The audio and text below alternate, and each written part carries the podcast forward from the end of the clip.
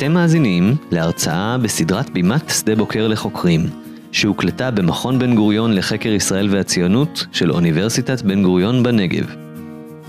בימת שדה בוקר היא פורום מחקרי אינטלקטואלי המחפש דרכים לחדור לעומק החוויה הישראלית ולהיפתח למה שמחוצה לה. הבימה היא למעשה פלטפורמה לחוקרים בכירים וצעירים להציג את המחקרים שלהם בשלבים שונים של בשלות. הרצאות הבימה הן עשירות, מאתגרות ומעמיקות, כיאה לאופי של החברה הישראלית עצמה.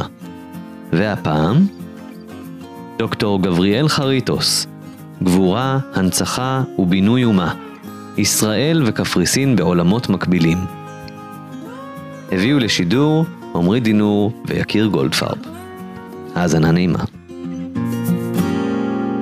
שלום, אה, אתם יודעים שהעברית היא לא שפת האם שלי, אם אתם לא מבינים, אתם שואלים אותי, אם אני לא מבין אתכם, גם אני שואל אתכם. זה הדדי.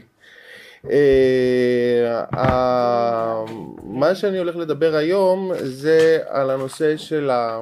אה, זה חלק מהמחקר, שאני עושה עכשיו אה, המחקר שלי עכשיו אה, מתמקד במדיניות החוץ של ישראל כלפי הרפובליקה הקפריסאית מ-1960 עד 1963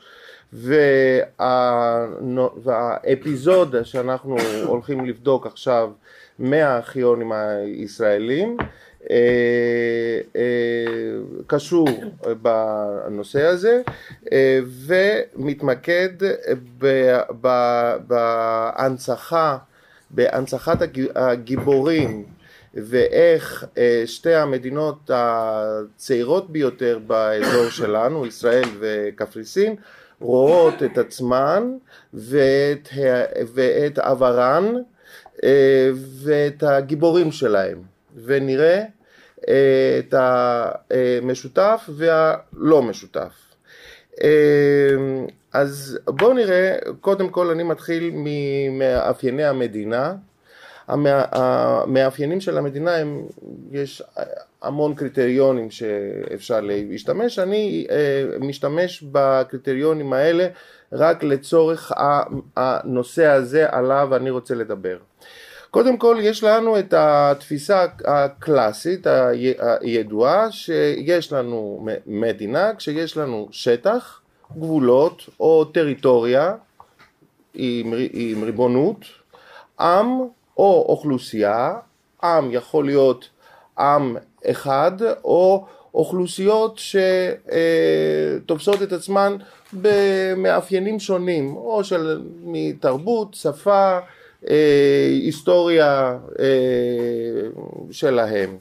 שלטון, הממשל הפוליטי, הצבאי והאדמיניסטרטיבי, ובוודאי ההכרה הבינלאומית שהקריטריון שאני השתמשתי כדי, כדי להגדיר שישראל וקפריסין הן המדינות הצעירות ביותר באזור אה, אה, שהן חברות באו"ם. כי אה, השאלה היא, במיוחד באזור שלנו, יש לנו כמה אישיויות אדמיניסטרטיביות שעושות פוליטיקה, שקיימות, אבל לפי הקריטריונים האלה אי אפשר להגדיר אותן כמדינות. מה למשל? האזור של החמאס בעזה. עושה מדיניות. האזור הדה פקטו שבשליטה של החיזבאללה זה גם אזור שעושה מדיניות, שקובע משהו. האישות האדמיניסטרטיבית הלא חוקית שמוכרת רק על ידי הטורקים שזה המדינה, הדמוקרטיה, הרפובליקה הטורקית של צפון, של צפון קפריסין שלא אה, חברה באו"ם, אף אחד לא מכיר בה חוץ ממדינת האם. ויש לנו את הרשות הפלסטינית, שאנחנו לא יודעים עדיין את הגבולות הסופיים שלה, אז גם זה יכול להיות בין חברות באו"ם, כי באו"ם יש לה את הנציג שלה של מדינה, אבל יש לנו את העניין של השטח ושל הממשל, ששני הקריטריונים האלה אה, לא אה, יכולים להגדיר אותה לפי ההגדרות האלה כמדינה. אז אם היינו יכולים להשוות בין המדינה לבין טבעו של האדם, הגוף הוא השטח, העם, השלטון וההכרה הבינלאומית, אבל הנשמה של הגוף, הנשמה של המדינה זה הזיכרון הקולקטיבי. ובלי זה גופה, הגוף בלי נשמה זה מה? זה גופה. אז המדינה בלי הזיכרון הקולקטיבי היא לא מדינה, היא אמורה לא, ל, לא לחיות, לא לשרוד. אז לפי הקריטריונים האלה ומהבחינה הקרונולוגית יש לנו את ישראל שקמה ב-1948 ויש לנו את הרפובליקה הקפריסאית שקמה ב-16 באוגוסט 1960. אה, בואו נביט יותר ונתמקד בקריטריון החמישי, הזיכרון הקולקטיבי. אז מה זה הזיכרון הקולקטיבי בגדול? היסטוריה, מתי, אידיאולוגיה, למה המדינה הזאת אה, חייבת לשרוד, למה היא, איפה הלגיטימציה שלה.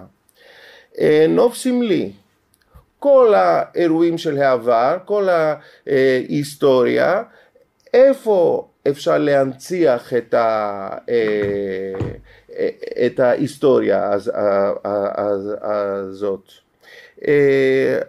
מה קרה בעבר, מה היה האירוע המשמעותי שמספק את כל החומרים כדי לבשל את הזיכרון הקולקטיבי. מי עשה מה, מי הוא הגיבור. וההנצחה שזה מה? זה שילוב של טקסים, חינוך, מחקר, כל זה, כל זה ביחד מייצר את הזיכרון הקולקטיבי של כל מדינה, לא רק של המדינות המוכרות, אלא של כל אישות. לכל אישות יש גם את הזיכרון הקולקטיבי, אם יש. אם אין, אז עתיד של הישויות האלה זה המוות, הגופה.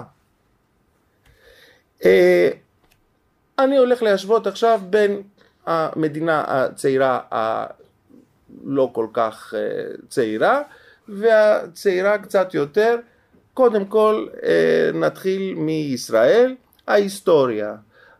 איפה היא, איפה היא מבוססת הלגיטימציה של ישראל באופן היסטורי? בהיסטוריה של העם היהודי ובתולדות הציונות. אידיאולוגיה, התנועה הציונית, זאת המסגרת. בלי ציונות אין צורך שתהיה ישראל כמו שהיא עכשיו. אה, הנוף הסמלי, מקומות אה, בתוך הטריטוריה הישראלית וגם מחוצה לה, זה המאפיין המאוד אה, מעניין של ישראל, כי בוא נגיד אושוויץ זה בפולין, זה נוף סמלי, אתר, אתר הנצחה, אה, האירועים והגיבורים, כל מיני דברים קרו אה, פה בארץ גם לפני אה, הקמת המדינה וגם אחריה, וחינוך וטקסים שישראל הצליחה ליצור את הקונסנזוס הזה למרות הניגודים בין החילונים הדתיים שמאל ימין יש את הקונסנזוס שיש הנצחה וטקסים שכולם שותפים בזה. בואו נראה עכשיו מה קורה עם הקפריסאים השכנים שלנו. ההיסטוריה פה יש לנו בעיה. לפי החוקה הקפריסאית של 1960, המונח עם קפריסאי לא קיים. אין עם קפריסאי. אה, יש אוכלוסייה של האי שהיא מחולקת בשתי קהילות ושלוש קבוצות לפי הדת.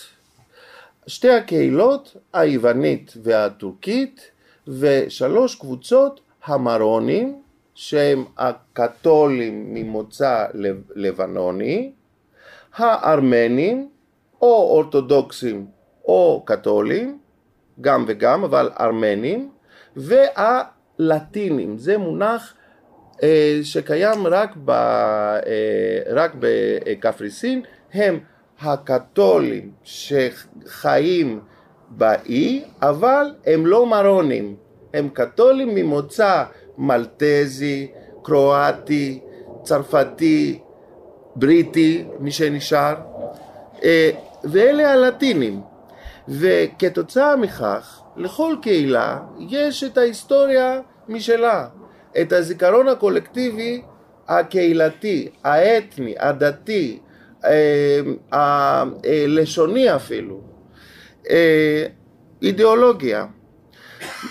אני לוקח את אה, שתי הקהילות הגדולות של האי, הקהילה היוונית, הקהילה הטור, הטורקית. אז, אז מצד אחד יש לנו את החזון ההלני, החזון היווני. מה זה החזון היווני? יוון הגדולה. יוון הגדולה מה זה?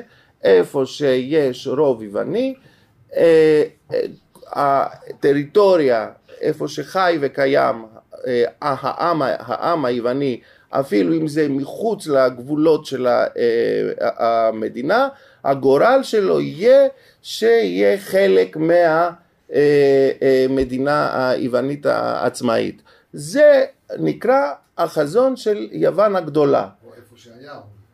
איפה שהיה רוב יווני עכשיו, אבל אנחנו מדברים כבר שזה היה החזון וזאת הדרך שהגבולות הסופיים של היום של יוון הם נוצרו.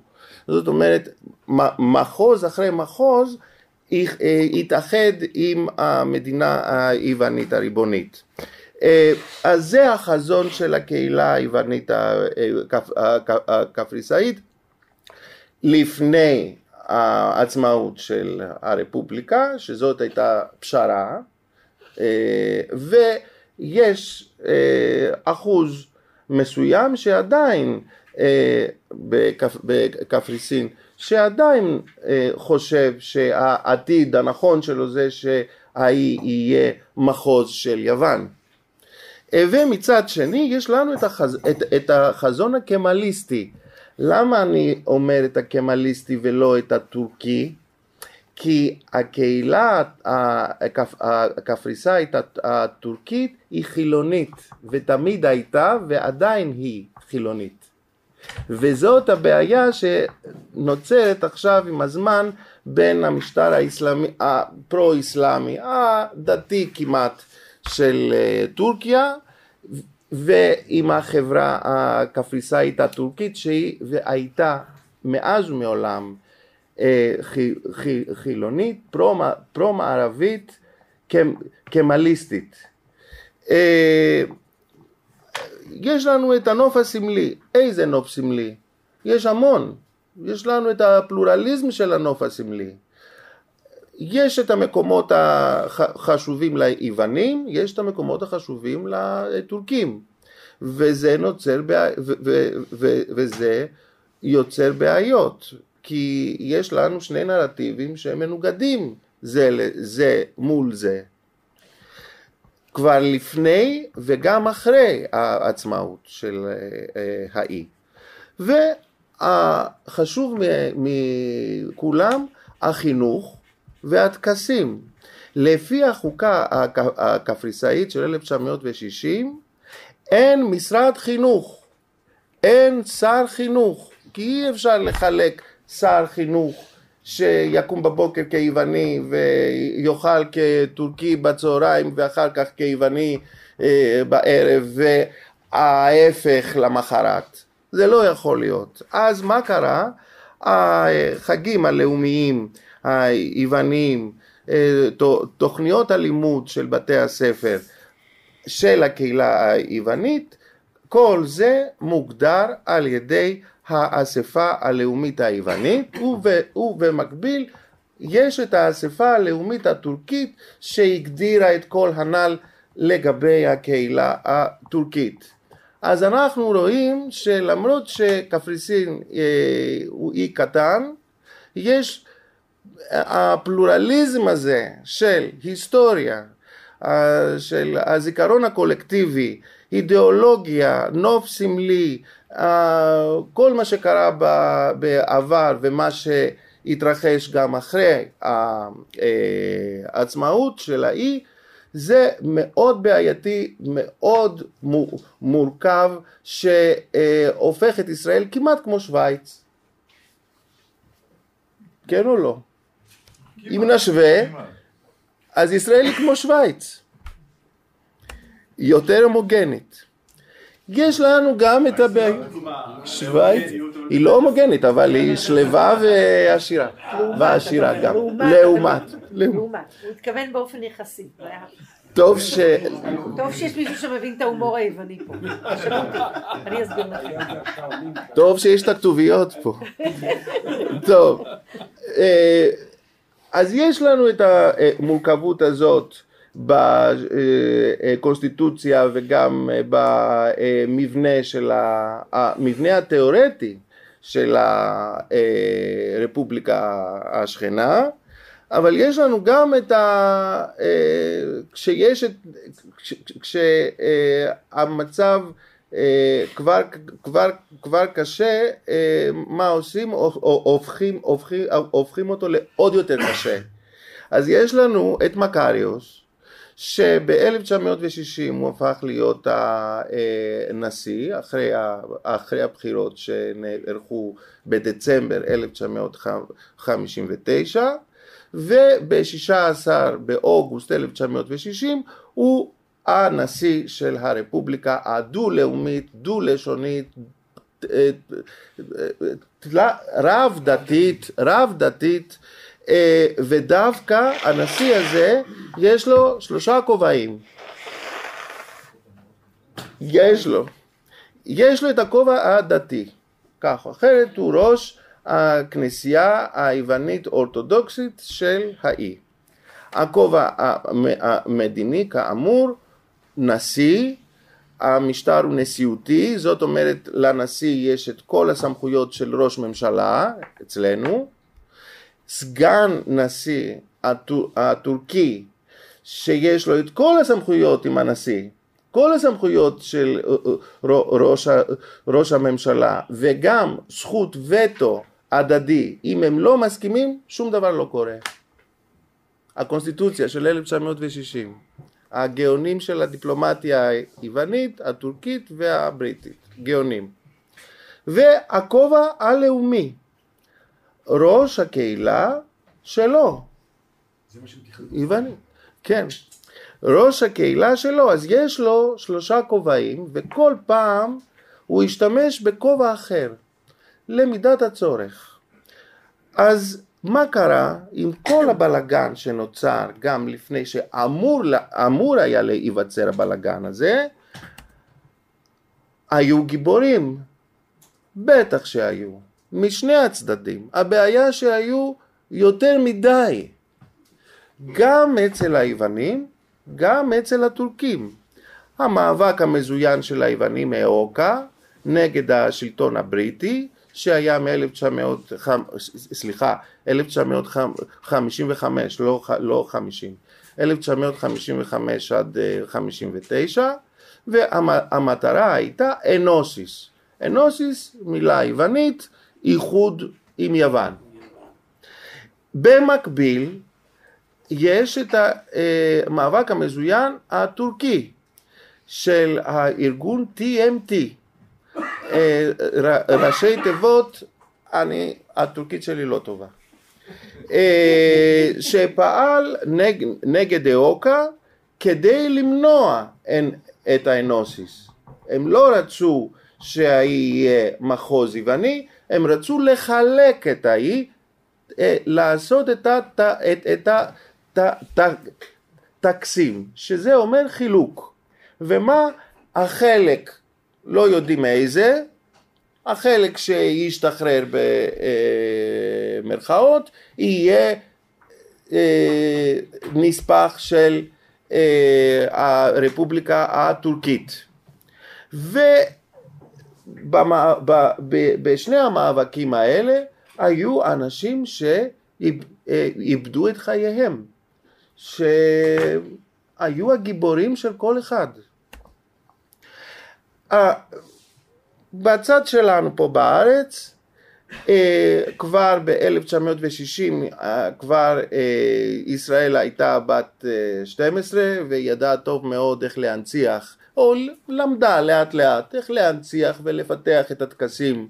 אני מציע, אני ממליץ על הספר הזה, הוא מדבר על, על האידיאולוגיה ואיך ישראל חשבה ויצרה לעצמה את המסורת של ההנצחה בפועל וכמו כל מחקר, אה, אני חושב שזה הכלל, כל מחקר מתחיל מהערת השוליים של מחקר קודם. וזאת הערת השוליים עליה אנחנו אה, נדבר, אה, זה מהספר הזה וזה אומר אישורו של מקריוס, אה, הטקסט הזה מדבר על אה, העברת העצמות של דוד רזיאל שהיה קבור קודם בעיראק, שנית בקפריסין ושלישית פה בארץ אחרי האישור של מקריוס. כשמקריוס אה, אה, הפך להיות הנשיא של המדינה העצמאית השכנה ואחרי כל הסירובים של הבריטים לתת את אישורם שהעצמות של רזיאל יב, אה, אה, יבואו לכאן אה, בסופו של דבר אחרי העצמאות הנשיא הקפריסאי אמר כן אתם יכולים לקחת את העצמות של הגיבור שלכם. אגב פה היה בלאגן גדול אני קורא מהעיתונות אה, עם אה, אה, רזיאל והטקס וימין ושמאל אני שומע בקפריסין אפילו לא תמונה אחת משדה התעופה של, של קפריסין. מה שאני ראיתי, אני מצאתי, חקרתי בארכיון של העיתונות בניקוסיה, מעשרה עיתונים שהיו אז, רק שניים כתבו שתי שורות, אבל שתי שורות, על העברת העצמות של אה, הגיבור הישראלי. אה, אבל משם מקריוס נזכר שיש גיבור קפריסאי שנמצא פה בארץ קבור. עליו אני הולך לדבר עוד, עוד מעט, אבל כדי שתבינו למה דווקא למקריוס היה את העניין להביא את העצמות של הגיבור הקפריסאי ולעשות את ההחלפות, את ההחלפה של העצמות מה, מהחוף הישראלי לחוף הקפריסאי וההפך. הנה מה קרה אה, ביום, אה, בציון של, בציון הראשון לעצמאות הרפובליקה הקפריסאית, מה כתב השגריר הישראלי שהיה אה, בבירה הקפריסאית, איך, איך הקפריסאים עצמם תפסו את החגיגות של אה, העצמאות, החג הראשון של העצמאות של המדינה שלהם.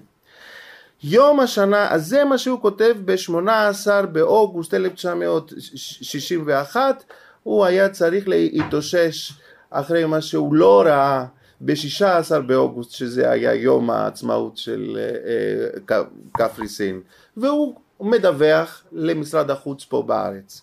יום השנה הראשון לעצמאות ההיא עבר כאן בכל דממה דקה.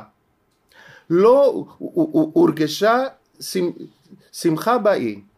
לא הונפו דגלים והעיתונות המקומית כמעט התעלמה לגמרי מחשיבות יום זה מלבד עיתון אופוזיציה שתיארו כיום אבל לעם היווני. יותר מכל הזדמנות אחרת באה בא לידי ביטוי ההרגשה הכללית הרווחת בעדה היוונית שהסכמי ציריך ולונדון לא העניקו לקפריסין עצמאות אלא משהו לא כל כך משמח. בעדה הטורקית ניסו להשוות ליום זה את, את אה, החשיבות הדרושה. הרובעים הטורקיים היו מקושטים בדגלים של טורקיה, לא של קפריסין. וההרגשה יותר אווירת חג. העיתונות הטורקית מצאה נושא מקורי לציון היום, בדיוק שנה שצבא טורקי דרך על אדמת האי לאחר הפסקה של 80 שנה. חוסר זיכרון קולקטיבי מוחלט, חוסר שמחת אה, אה, חוויה לאומית אחידה אה, ומכאן מתחיל, מכאן מתחיל הכל. מקריוס מצד אחד רואה שלאזרחים הטורקים יש את הגיבורים משלהם, האזרחים היוונים יש להם את הגיבורים של המאבק המזוין של מ-1955 עד 59, אבל המטרה של המאבק ההוא הייתה האיחוד של האי עם יוון, לא העצמאות. המטרה של, המאבק, של המאבק ההוא לא אה, התגשמה, לא הצליחה, לא צלעה. ולכן מקריוס זוכר ואולי מקווה לאלטרנטיבה. גיבור קפ, קפריסאי שנכון הוא אה, אה, נאבק אה, למען איחוד האי אבל בזמן אחר ובנסיבות אחרות והוא לא נאבק נגד הטורקים הוא נאבק נגד הבריטים אך ורק נגד הבריטים כי המאבק המזוין של לאוקה היה גם נגד הבריטים אלא גם נגד הטורקים והטורקים גם נגדו. ההוא היה כומר כמו מקריוס, בישוף של קיטיון, גם מקריוס היה הבישוף של קיטיון, אחר כך הוא הפך להיות יושב ראש הכנסייה וגם מקריוס אה, גורש וגם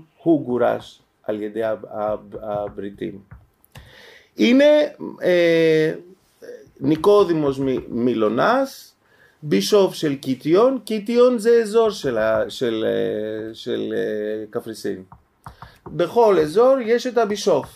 אחד האזורים זה קיטיון ובקיטיון שזה האזור ההיסטורי הדתי ביותר והחשוב ביותר לכנסייה המקומית והוא הבישוף, הוא נולד ב-1889, עמד בראש המרד של היוונים הקפריסאים נגד הבריטים באוקטובר 1931 וגורש על ידי הבריטים קודם ללונדון ואחר כך לכאן לירושלים. ונפטר ב-13 בספטמבר 1939 וזה הדוח, הישראלים לא ידעו מי זה. אז הם ביקשו מהשגריר כשמקריוס ביקש מהשגריר הישראלי במרס 1961 אנחנו רוצים את העצמות של הגיבור שלנו, הישראלים לא ידעו מי הוא, והנה הדוח על תולדות חייו של הגיבור הקפריסאי. והנה, יש לנו פה קשיים. בהתחלה הפטריארכיה היוונית ומשרד, ומשרד הדתות פה בארץ לא ידעו איפה העצמות שלו. ולא ידעו איפה, למה? כי יש עוד קושי, יש לנו דוח של, אה, אתם סופרים ממר, ממרס, יש לנו אחד, אחד במאי, את הדוח של משרד החוץ שעונה לשאלה של השגריר הישראלי בניקוסיה. נכון שמהמצב של משרד הדתות לגלות את עצמותיו של הנ"ל עלו, עלו בתוהו, אולם נשארת אפשרות אחת שעצמותיו היו בהר ציון ועבדו בעת הקרבות ובניית עמדות צה"ל במקום זה. כמובן שאנו לא מעוניינים להודות שבעת הקרבות בהר ציון פגעו חיילינו במקומות קדושים וחללו קרבות. אז הם לא ענו הישראלים והקפריסאים, אגב שר האוצר היה האחיין של מילונס והוא רצה את העצמות של הדוד שלו והוא שאל את השגריר. עוד קשיים השגריר מניקוסיה אל, אל, אל משרד החוץ. אם אמנם נמצא את העצמות, נוכל לעשות מזה מבצע פרסומת עצום, אה, אה, ובפרט שהכנסייה קשורה לעניין במישרין. האם אין אפשרות לסייע, האם אין אפשרות לסייע בגילוי ארגז עצמות שעליו כתובת מתאימה ביוונית? אין להניח, אין להניח שמישהו כאן יערער על אותנטיות עצמות אלו. והרי את אה, עצמות לוחמי בר, בר כוכבא מצאנו ללא קושי מיוחד. היה ארגז שכתוב... זה כתוב, הכל כתוב פה, הכל כתוב פה, בסדר? אני לא נגעתי. משרד החוץ עונה מיד עם קבלת המכתב הנ"ל, המכתב הנ"ל זה עם אה, בר כוכבא אה, התקשרנו עם אה, דוקטור מנדס ממשרד הדתות שהבטיח לנו כי לא יחדול מהמצב לגלות מקום הימצאותם של העצמות הנ"ל בתיאום עם הכנסייה היוונית בארץ.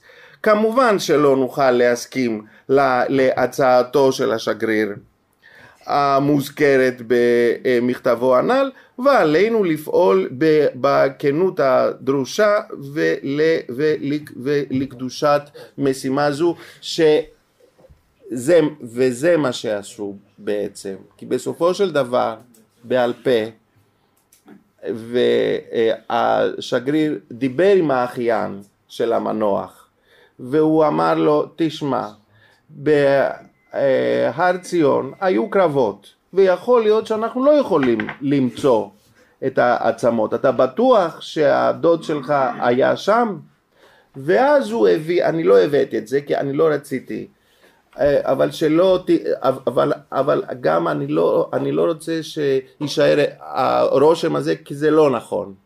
כי בסופו של דבר האחיין שלו, שר האוצר, אבא שלו שאל את הכנסייה של קיטיון איפה קבור הדוד? והם ענו מהפטריארכיה פה הם ענו ב-1943 הם קיבלו את העצמות הם שמו בקופסה לא בארגז בקופסה ושמו את הקופסה אה, אה, אה, הזאת עם העצמות בתוך הכנסייה היוונית בהר ציון מתחת לכס של הבישוף. אז ככה, אז ככה, כן העצמות האלה, אז, אז, אז ככה, אפילו אם היו שם את כל הקרבות וכל מה שבא בעת, בעת, בעת המלחמה, דווקא במקרה שלו, אה, למרות כל הבעיות של החיים של הבן אדם הזה, העצמות שלו כן נאספו והיו במקום בטוח ובתוך הכנסייה איפשהו גם אני מניח שהוא היה רוצה להיות. אחרי שהעצמות נמצאו בכנסייה היוונית בהר ציון וזוהו על ידי הכמרים שלנו פה, פה בארץ, איך הם זוהו? בדיקות דנ"א לא היו אז. אז עכשיו אנחנו אשמים אם הם העצמות שלו או לא. עם החותמת של הכמרים היוונים. אם זה נכון או לא אני לא יודע. בינינו גם אני לא. תשמע, אנחנו, אנחנו, אנחנו זה אנחנו. השאלה בישראל עכשיו, יש לנו עוד בעיות, ומצאנו את העצמות. ומה קרה? השאלה פה הייתה אחרת. ועכשיו איך יועברו העצמות של הגיבור הקפריסאי למולדתו? השגריר הישראלי הציע טקס צבאי או אה, מירושלים אה, עם ליווי צבאי או עד לוד או עד חיפה אם זה במטוס אם זה באונייה העברת עצמות במטוס חיל האוויר או אוניית חיל, חיל, חיל, חיל הים בליווי צבאי מכאן עד לשם ובקפריסין עוד עוד טקס שישראל תוכל להעלות את התדמית שלה כלפי השכנה, המדינה השכנה, היחידה איתה הייתה ביחסים דיפ, דיפלומטיים תקינים, היחידה אז. משרד הביטחון הסכים לה, לה, להעניק את המטוס אבל לא ליווי צבאי עקב סיבות עקרוניות. הסיבות העקרוניות האלה לא פורטו, לא, פור, לא פורטו, פורטו. אה, השגריר הישראלי אה, המשיך ללא משמר כבוד של צה"ל אין טעם בהעברה במטוס חיל האוויר. נוכחות פקידי משרד הדתות בשום פנים אינה אה, התחליף למשמר כבוד. נוסף לטקס הדתי בכנסייה צריך לערוך גם אירוע חילוני פתוח לקהל הרחב פה בארץ. הוא רצה את זה גם פה וגם שם. אה, יש לדאוג לפרסום מתאים בעיתונות, הוא רצה להעלות את התדמית שלה, אה, אה, של ישראל, ואני בא ועכשיו על הנושא של בינוי אומה. אתה בונה אומה לא רק כשאתה מופנם ואתה אומר לעצמך אני אומה, אתה צריך להראות את זה החוצה, להסביר לכולם שאתה אומה. אפילו השגריר פנה אל חיים הרצוג שהוא היה אז אה, אה, אה, המטכ"ל, המטכ"ל, לא סליחה, ראש אמ"ן, נכון, המודיעין, נכון, ופה הוא, אתם קוראים, אני לא צריך לקרוא, אתם קוראים מהו אה, אה, כל הטיעון שלו. כי השגריר הישראלי הרגיש שבמשרד החוץ הם לא הבינו אותו או אפילו הדרגות הנמוכות של הצבא לא הבינו, לא הבינו את המשמעות. והוא דיבר עם מישהו שכן הבין. למה הוא הבין? זאת התשובה שלו. התשובה שלו זה שאני ניסיתי, אני מבין אותך, אני הולך לעשות את המיטב, עשיתי את המיטב, משמר כבוד של המשטרה עד לוד, ואיכשהו הוא הבטיח שהוא הולך לנסות עוד פעם, הוא ניסה והוא הצליח, כי היה משמר כבוד צבאי בלוד.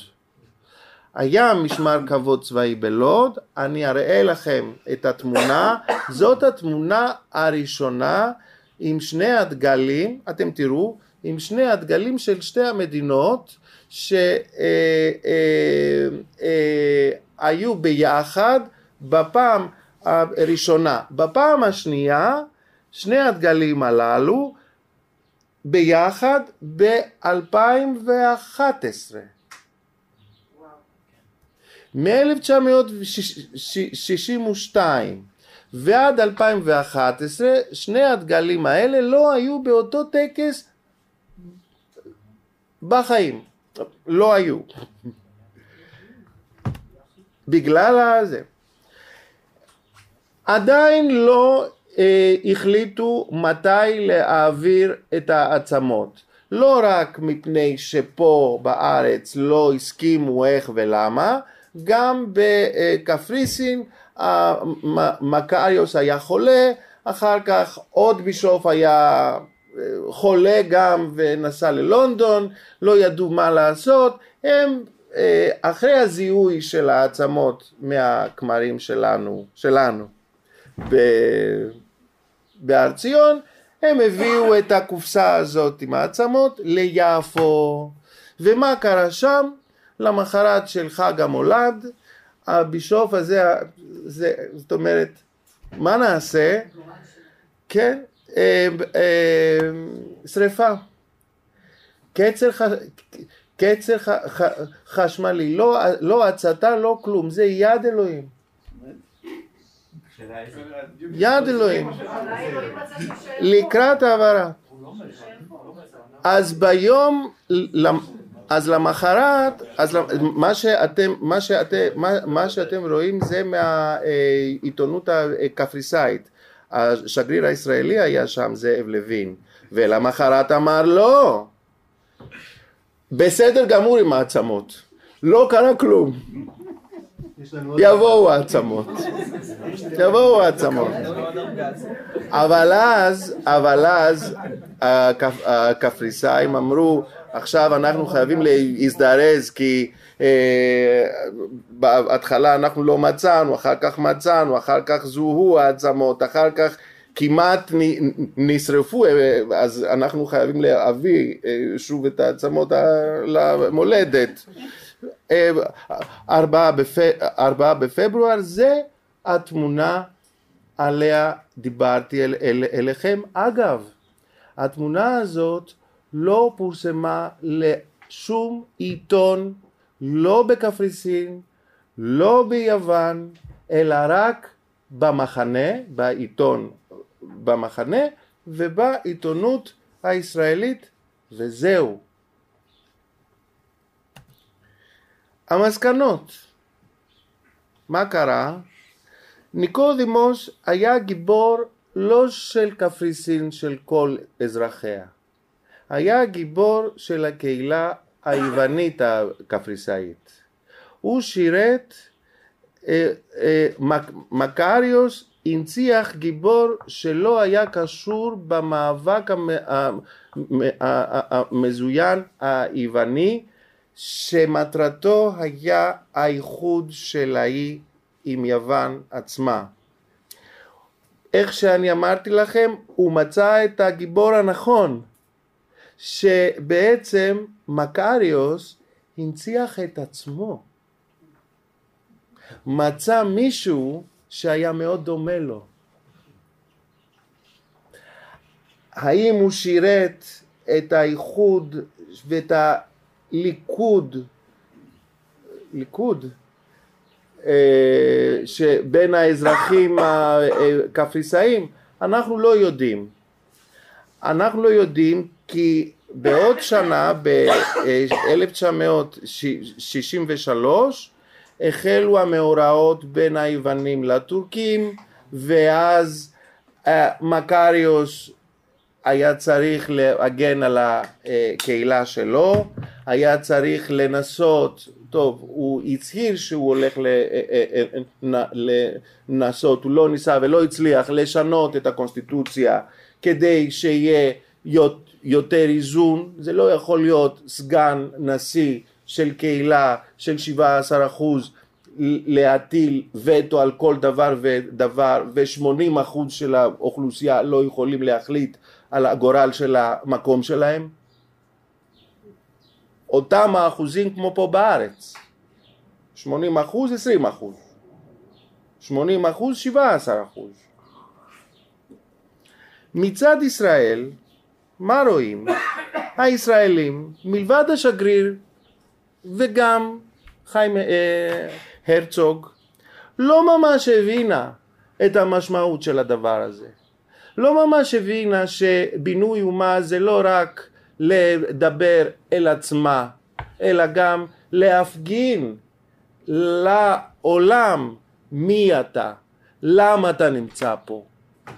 והם לא ידעו גם, יש גם את חוסר הניסיון, מה עושים עם גיבור שהוא לא יהודי, לא אה, ציוני, אה, איש כמורה, וסביבו דגל ישראל עם סמל דתי. מה עושים עם כל זה? זה היה חדש, מאוד חדש. אז אנחנו רואים שתי מדינות מאוד צעירות שלא יודעות איך לספר על עצמן, איך לפנות לשכנים, איך להציע, איך, איך להציג את עצמן אה, ואת, ואת הזיכרון הקולקטיבי אל השכן, אל השכן שלא מדבר את אותה שפה, שלא, שאין, שאין לו את, אותו, את, את הדת אין לו משהו משותף, אין שפה, אין מחנה משותף. היה אתגר, אה, ניסיון, אי אפשר להגיד שהניסיון הזה היה כושל, עשו את המיטב, אבל היו יכולים, גם הקפריסאים וגם הישראלים, היו יכולים לעשות אחרת, בדיעבד.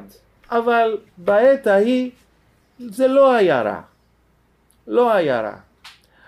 הסקירה התקשורתית היא עוד חשובה, שוב. בקפריסין, העיתונות הקפריסאית, איך איך שאני ראיתי במחקר, הם דיברו על ישראל. לא הייתה שום בעיה לדבר על ישראל. מאין הגיעו העצמות? מישראל. עם איזה מטוס של איזו מדינה, איזה רכב צבאי, גם המטוס צבאי, של איזו, הם דיברו עם כל התמונות חוץ מהתמונה הזאת עם, שני, עם שני הדגלים. ביוון האירוע צוין רק מהזווית הלאומית הדתית. חבל שאתם לא יודעים יוונית, אבל מפני שהם מקליטים אותנו ויכול להיות שאחד מהמאזינים, האחד, אני לא יודע איפה הוא יהיה, אם בכלל, מקווה שיהיו, שידעו גם עברית וגם יוונית, אני מצאתי את הסרטון של החדשות, אני לא יודע אם, אם זה, אם יש לכם פה, ב, אם זה היה אצלכם פה בארץ, ביוון, ביוון, לא בקפריסין, כשהלכת ל, לראות סרט, לפני ה... אה, שלא הייתה טלוויזיה, שלא הייתה טלוויזיה, אה הנה, אז מצאתי, אז מצאתי את היומן הזה, איך שאתה אומר, אה, שזה רק דקה אחת. אתם תראו, אתם לא שומעים את המילה ישראל. אני, אני מסביר לכם מה שתקשיבו אה, שלא תבינו אז, אז, אני, אז, אז, אני, אז, אז, אני, אז, אז אני מסביר אני, אוי, מסביר. אני מסביר הרכב הצבאי של איזו מדינה הוא הארון עם העצמות הגיע ברכב צבאי הוא אומר הקריין של איזו מדינה הוא לא אומר. אם מטוס צבאי הוא, אהרון הובא מהר ציון, מהמקומות הקדושים, איפה המקומות? של איזו מדינה? שום דבר. אפילו מי שנכח, רק הדיפלומטים היוונים, הכמרים היוונים, השר הקפריסאי והעצמות. לא משרד הדתות, לא צה"ל, לא כלום. ובוודאי לא תמונה. תמונה של הדגל, לא. איכשהו הצנזור לא ראה את מגן דוד שהיה מתחת אה, שם במטוס הצבאי טוב, אה, והוא לא שם לב, אבל רואים את מגן דוד בסרטון היווני. למה? יוון לא הכירה בישראל, היא הכירה, אבל רק דה פקטו, לא, לא דה יורה. היו סיבות טובות לכך, אבל זה נושא למפגש שני, זה לא לעכשיו, אבל היו סיבות טובות. אה, אה, זה נמשך כל הסיפור הזה, כן להכיר בישראל או לא, יותר מדי. אבל עכשיו בדיעבד אפשר להבין למה. כי היו סיבות. אנחנו לא, מש... אנחנו לא משוגעים כל כך. אז לפני ש... שאגיד לכם תודה, תודה רבה אפילו, פרקלו, עכשיו אני צריך שמישהו יעזור, אה טוב יופי, אף אחד לא, לא צריך לעזור לי ואני מראה לכם את היומן, איך אומרים? כן. יופי. אז אתם תראו, אין ישראל, אין דגל וכל השאר אני הסברתי. Στα ερήπια μιας εκκλησίας επί του Ορουσιών ευρέθησαν τα οστά του Επισκόπου Κιτίου Νικοδήμου, αποθανόντος στην εξορία προ 20 πενταετίας. Η Κύπρος, η οποία ουδέποτε εξέχασε τον μάρτυρα επισκοπών τη και του υπερακτή αγώνα του, δεν έπαψε να αναζητά την κρύπτη όπου είχαν αποτεθεί τα οστά του. Ώσπου τελικώ τα αυτά ανεβρέθησαν κοντά σε ένα μοναστήριο της Ιερουσαλήμ και αναπετέθησαν εις ειδικήν θεοθήκην για να μεταφερθούν και να ταφούν στην Κύπρο, όπου ο επίσκοπος έζησε. Σαμ Ζε Καφρίσιν.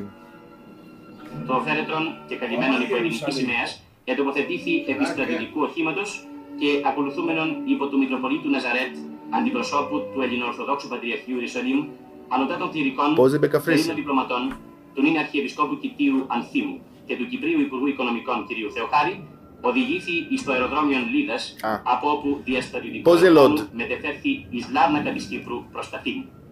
Δεν λέει Ισραήλ. אתם רואים פה? צנזור לא רע. הנה. טוב? טוב? זהו, סיימתי. תודה רבה.